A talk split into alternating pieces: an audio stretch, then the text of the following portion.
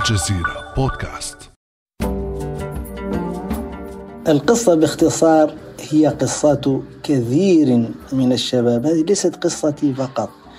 قصة إنسان شاب درس في الغرب ورجع إلى دولته ليفيدهم حتى أنه يوم أن اختطفت كنت أشتغل في الرئاسة حتى أثبت لهم شبكة مشفرة.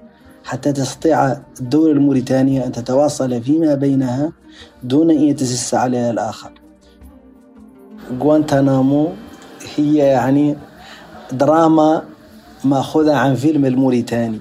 فالفيلم عادة يكون دراما لقصة معينة ولكن غوانتانامو هي دراما لأنه لا يمكن الإنسان أن يقدم في فيلم سبعين يوما من عدم النوم. هذا لا يمكن أن يقدم في أي فيلم. نواصل في هذه الحلقة الثانية الاستماع إلى قصة السجين السابق في غوانتنامو محمد والسلاحي. بعد أمس من الجزيرة بودكاست أنا خديجة بن جنة.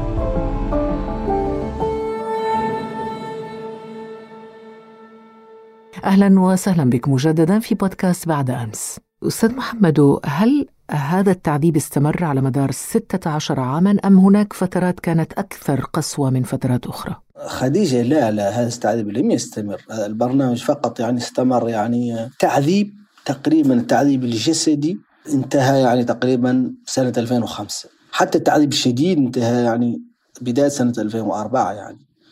ثم يعني بعد ذلك بدأ ينقص ينقص. بعد ذلك لم يكن في أي تعذيب.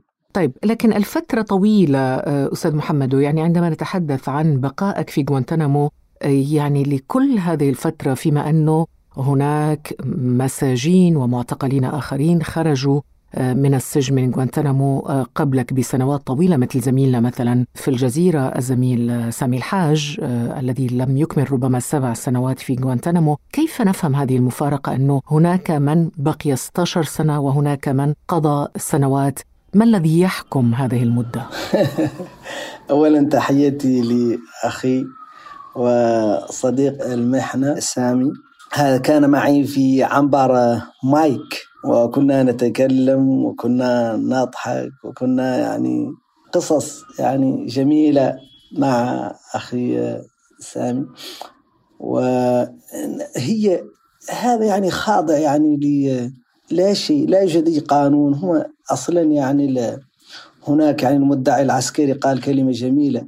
قال غوانتانامو حتى تخرج منها يجب أن نجد عليك دليلا يدينك. فجميع الذين قالوا إنهم وجدوا عليهم أدلة رغم أن هذه الأدلة يعني بعد ذلك يعني شطبتها المحاكم هؤلاء يعني حكموا عليهم وأطلقوا سراحهم. والذي لم يفعل شيء بقي في غوانتانامو. أيضا تتدخل يعني آه، من أي دولة، الدول الأوروبية جاءت وأخذت مواطنيها، مثلا رئيس الوزراء السويدي جاء إلى واشنطن والأخ السويدي من آه، الأخ السويدي مهدي آه، بالمناسبة من أصل جزائري أبوه جزائري ولكن من السويد. رئيس الوزراء السويدي جاء خصوصا ليتكلم مع جورج دبليو بوش على مهدي. فانظروا يعني كيف أنا أسميها اللعنه العربية. واللعنه العربية ما زالت موجودة إلى الآن. لا أعرف لا أعرف يعني لماذا نحن دائما يعني خارجين عن نطاق القانون وخارجين عن حقوق الإنسان. يعني المواطن العربي ليس وراءه وطن يحميه ابدا. سواء كان في الداخل أو في الخارج.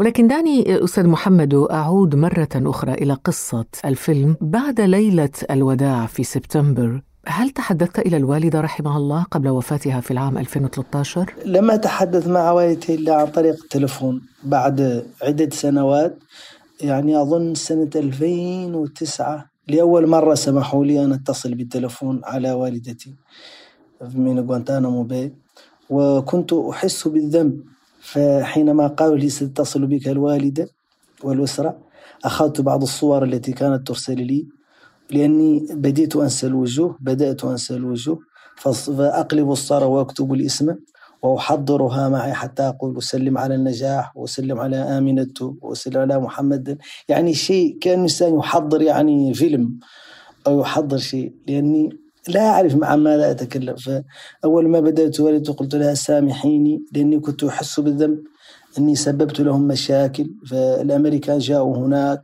والحكومة للأسف أعطتهم يعني جاءت جرت يعني أفراد الأسرة حتى يحقق معهم.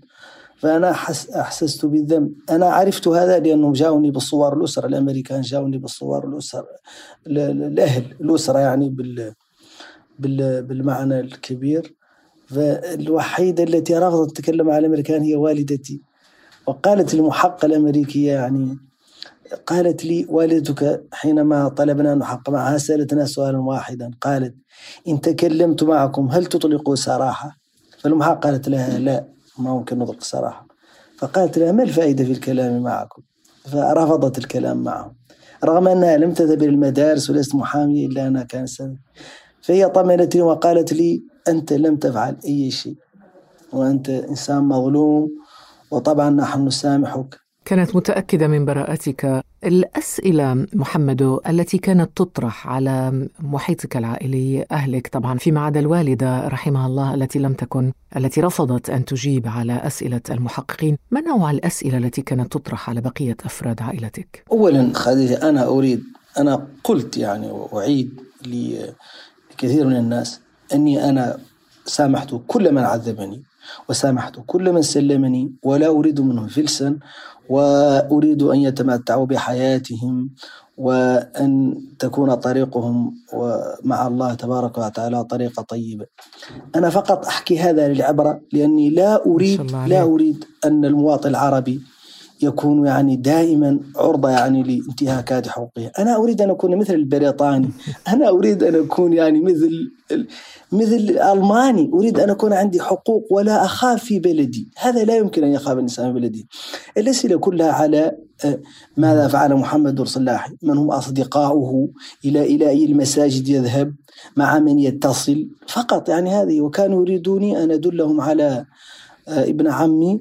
الذي كانوا يبحثون عنه ظلما وعدوانا. ابن عم محفوظ هذا يبحث عنه ظلما وعدوانا رغم أنه لا علاقة له بالحادث يعني حوادث يعني الحادي عشر يعني عمليات الحادي عشر.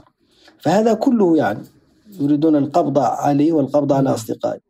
نعم. لكن محمد الفلاحي أنت كأي سجين ربما يعني تمر عليك لحظات يأس تفقد فيها الأمل بالخروج تمر عليك بالعكس لحظات أمل تعطيك الأمل في الحياة وبالخروج من السجن. ماذا تتذكر من هذه اللحظات؟ لحظات اليأس ولحظات الأمل داخل غوانتنامو لحظات اليأس. أنا أول إنسان قدم إلى حكم الإعدام في غوانتنامو أول إنسان. فحينما جاءوني وقالوا لي يجب أن أكتب يعني اعتراف يجب أن أكتب الاعتراف. فأنا كتبته اعتراف غير حقيقي يعني. كتبت أني يعني أريد أن أشترك في عملية كذا ومعي فلان ومعي فلان. فأنا حين كتبته ووقعته جاءني المحقق وقال لي أنت إنسان طيب الآن لأنك اعترفت بدل حكم الإعدام سنعطيك ثلاثين سنة. فأنا كنت أنظر إليه يعني كأنها يعني كأنها صورة سريالية يعني. أين أنا؟ وين؟ وأين؟ ولماذا وصلت إلى هذه النقطة؟ فأنا حينها يعني سلمت أمري لله وعرفت يعني أن غوانتانامو بي ستكون هي المكان الذي سأدهن فيه. ويعني قلت سبحان الله العظيم أنا راض بحكم الله وراض بقضائه ومسلم كما أمرني الشرع. ف ولكن أيضا اللحظة الأخرى على الطرف الآخر حينما كنت يعني آه، جالس يعني في زنزانتي كنت أشاهد الأخبار مع آه، أستاذ اللغة الإسبانية مصري يسمي نفسه أحمد. فكان أول خبر على التلفزيون هو عن كتابي عن صدور كتابي وأنا في السجن. فأنا أحسست بالحرية لأني أحسست أني موجود وأن قصتي سيعرفها أهلي وسيعرفها العالم وسيعرف العالم بأنني مظلوم لكن كيف جاءت فكرة كتابة قصتك محمد ولد سلاحي؟ يعني متى قررت أن تكتب قصتك اللي تحولت إلى سيناريو فيلم فيما بعد وكيف استعنت بلغة لم تكن أنت يعني تتحكم ربما في البداية لم تكن تمتلك يعني أدوات اللغة الإنجليزية في بداية دخولك إلى غوانتنامو نعم صحيح. ولكن هو يقال إن الإنسان إن تربى وهو صغير على سمع أكثر من لغة فتسهل عليه اللغات الأخرى. فأنا يعني تربيت يعني طبعا على اللغة العربية اللهجة الحسانية ولغات وطنية أخرى مثل الألفية والبولارية والفرنسية أيضا آه، في المدرسة وكلام زناقة يعني اللغة البربرية يعني. فوالدي يتكلم يعني اللغة البربرية يعني مثل ما يتكلم اللغة العربية. وأنا للأسف لم أتعلمها لا أعرف هنا إلا القليل. وهي اللغة الأمازيغية. نعم نعم مثل اللغة الأمازيغية يعني هي لهجة من لهجات الأمازيغ نحن نقول كلام زناقة يعني لعلها آه، زانات المقصود بها. المهم نعم ولكن لا علاقة لها بالإنجليزية. لا لا لا, لا هو المبدأ المبدأ أنه الطفل يعرف أنه لغته ليست هي اللغة الوحيدة هذا المبدأ يكفي لفتح المخ إلى لغات أخرى يعني. فأنا حينما جئت لغوانتانامو كنت أكره اللغة الإنجليزية وكنت يعني أغل يعني أصم آذاني حينما يتكلمون. ولكن بعد ذلك يعني بعد الغضب يعني لأنها لغة السجان. نعم غلب علي يعني يعني حب الاطلاع يعني وكرياسيتي ماذا يقال لها يعني؟ والفضول نعم. والفضول فبدأت الحمد لله يعني أقرأ. كل ما يأتيني به الحراس أنا أقرأه لأنهم كانوا يأتوني بالكتب يعني من خلف يعني المحققين. وكنت أقرأ كل شيء.